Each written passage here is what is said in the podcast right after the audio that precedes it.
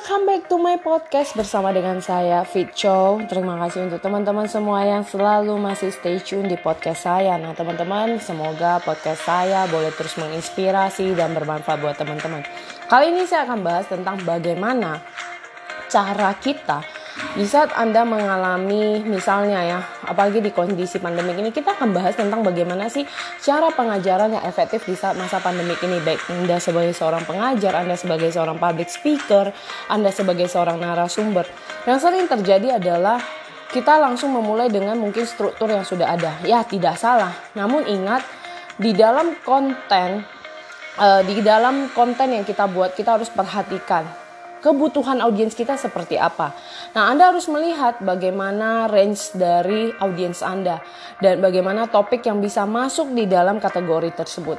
Dan kemudian Anda juga wajib mempersiapkannya dengan maksimal. Jadi bukan hanya asal membawakan dan juga bukan hanya asal dibaca karena bentuknya slide presentation, tapi kita juga wajib menguasai materi yang kita bawakan dengan cara uh, gaya kita, pembawaan kita yang sangat fun. Nah teman-teman sering banget yang terjadi di saat virtual seperti ini baik di sekolah juga kenapa anak-anak sering bosan belajar secara virtual online. Padahal teman-teman bisa lihat mungkin di kalangan lain atau di negara lain udah dari mungkin sebelum pandemik mereka udah terbiasa online mereka bisa membawakan dengan baik dan sebagainya. Bukan soal kita membandingkan, namun kita bisa belajar satu hal positif. Apa sih yang mereka lakukan?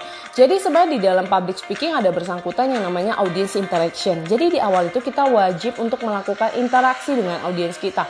Kita bisa melakukan dengan sedikit icebreaker, kita bisa melakukan dengan sedikit pemanasan yang bisa membuat audiens kita juga bisa tertarik dan mereka mau melakukan apa yang kita minta ya. Jadi teman-teman jika Anda sebagai pembicara, Anda sebagai public speaker, sebagai pengajar di depan virtual, Anda wajib melakukan hal tersebut untuk melakukan pendekatan dulu. Ada interaksi dengan anak yang satu ke yang lainnya. Jadi buat mereka bisa merasakan adanya attention dari Anda sehingga mereka juga nyaman dan mereka juga bisa trust kepada kita untuk bisa terbuka dan menceritakan apa yang mungkin menjadi kendala mereka, problemnya mereka. Mari teman-teman di masa pandemi ini manfaatkan momentum dengan baik, manfaatkan uh, keadaan ini dengan positif bahwa percayalah di saat virtual ini kita juga bisa melakukan kegiatan virtual belajar online yang sangat fun dan menyenangkan. Selamat mencoba dan selamat mempraktekannya. Semoga kita tetap boleh sehat dan terus berjuanglah untuk segala sesuatu yang kita lakukan.